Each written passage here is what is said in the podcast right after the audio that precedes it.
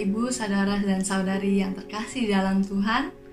Hari ini Jumat tanggal 11 Juni 2021 saya akan membawakan saat teduh dari Gema mengenai mujizat yang memuliakan Allah.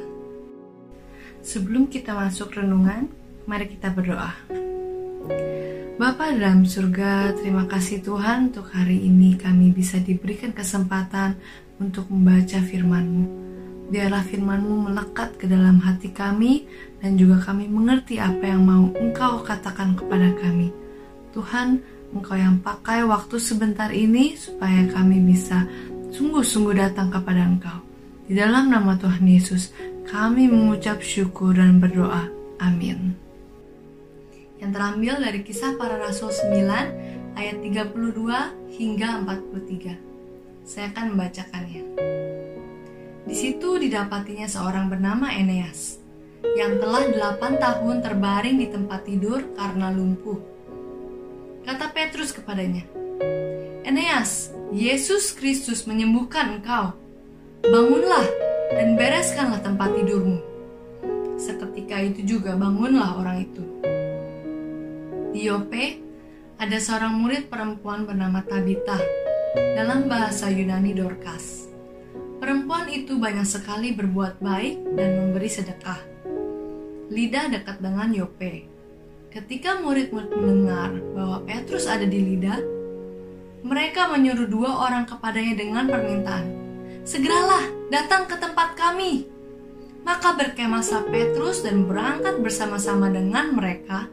Setelah sampai di sana, ia dibawa ke ruang atas dan semua janda datang berdiri di dekatnya dan sambil menangis mereka menunjukkan kepada semua baju dan pakaian yang dibuat Dorcas waktu ia masih hidup. Tetapi Petrus menyuruh mereka semua keluar. Lalu ia berlutut dan berdoa. Kemudian ia berpaling ke mayat itu dan berkata, Tabita, bangkitlah. Lalu Tabita membuka matanya dan ketika melihat Petrus, ia bangun lalu duduk. Petrus memegang tangannya dan membantu dia berdiri. Kemudian ia memanggil orang-orang kudus beserta janda-janda, lalu menunjukkan kepada mereka bahwa perempuan itu hidup. Peristiwa itu tersiar di seluruh Yope dan banyak orang menjadi percaya kepada Tuhan. Dalam bacaan Alkitab hari ini, Allah bekerja melalui Rasul Petrus untuk membuat dua mujizat yang luar biasa, yaitu mengadakan kesembuhan orang lumpuh melalui Eneas dan membangkitkan orang mati melalui Tabita atau Dorcas.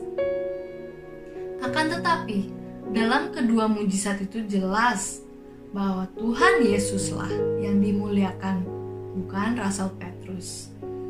Pada mujizat pertama, Rasul Petrus mengatakan, Eneas, Yesus Kristus menyembuhkan engkau. Jelas sekali bahwa Rasul Petrus tidak mengatakan, Aku menyembuhkan engkau. Dengan demikian, penghormatan diberikan kepada Tuhan dan hasilnya adalah bahwa semua penduduk Lida dan Saron berbalik kepada Tuhan, seperti pada pasal 33 dan 34. Pada mujizat yang kedua, jelas bahwa yang menjadi pusat perhatian adalah Tabita atau Dorcas, seorang perempuan yang banyak sekali berbuat baik dan memberikan sedekah. Kebaikannya ini membuat kematiannya ditangisi oleh banyak orang yang berhutang budi kepadanya. Tuhan juga bekerja melalui Dorcas dengan perbuatan-perbuatan kebaikan hati dan kasih Tindakan-tindakan kasih yang mendorong mereka yang perlu bantuan adalah perwujudan Roh Kudus yang sama dengan tanda-tanda ajaib dan mujizat. Sebelum membangkitkan Dorcas, Rasul Petrus berlutut dan berdoa. Oleh karena itu, saat dia membangkitkan Dorcas, jelas bahwa kuasa untuk membangkitkan itu bukan berasal dari Rasul Petrus, tetapi berasal dari Tuhan. Peristiwa ini juga membuat banyak orang menjadi percaya kepada Tuhan, seperti pada pasal 40 hingga 42. pada zaman ini ada banyak orang yang mengaku memiliki karunia untuk menyembuhkan. Tetapi kita perlu memperhatikan dengan teliti apakah mereka yang mengaku memiliki karunia penyembuhan itu atau memuliakan dirinya sendiri? Lalu sesudah Rasul Petrus menyembuhkan Eneas yang lumpuh dan membangkitkan Dorcas dari kematian, tidak ada pemujaan terhadap Rasul Petrus. Respons yang terlihat adalah bahwa banyak orang menjadi percaya kepada Tuhan Yesus. Itu tercantum pada pasal 35 hingga 42. Lalu bagaimana dengan para pembuat mujizat atau pengkhotbah yang Anda kenal? Apakah yang pembuat mujizat itu membuat banyak orang datang kepada Yesus Kristus? apakah para pengkhotbah yang populer yang menjadi idola Anda membuat banyak orang datang kepada Kristus?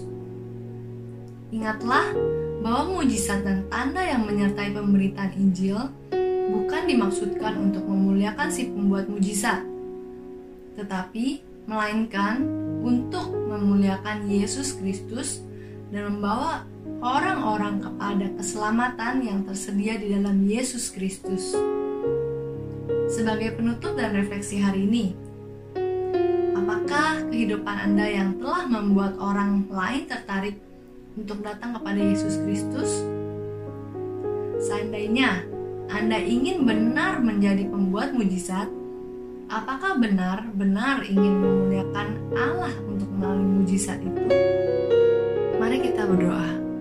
Bapa dalam surga, terima kasih ya Tuhan untuk renunganmu pada hari ini kami diingatkan kembali ya Tuhan kalau begitu banyak orang-orang dan teman-teman kami yang belum percaya kepada Engkau Tuhan Engkau yang pimpin, Engkau yang pakai dalam kehidupan kami supaya kami bisa membawa dan menjadi saksi Kristus di tengah-tengah dunia ini ya Tuhan kami juga berdoa untuk hamba-hambamu Engkau yang pakai mereka supaya orang-orang bisa terselamatkan orang-orang juga bisa mengenal Engkau bahwa Engkau adalah juru selama satu-satunya ya Tuhan.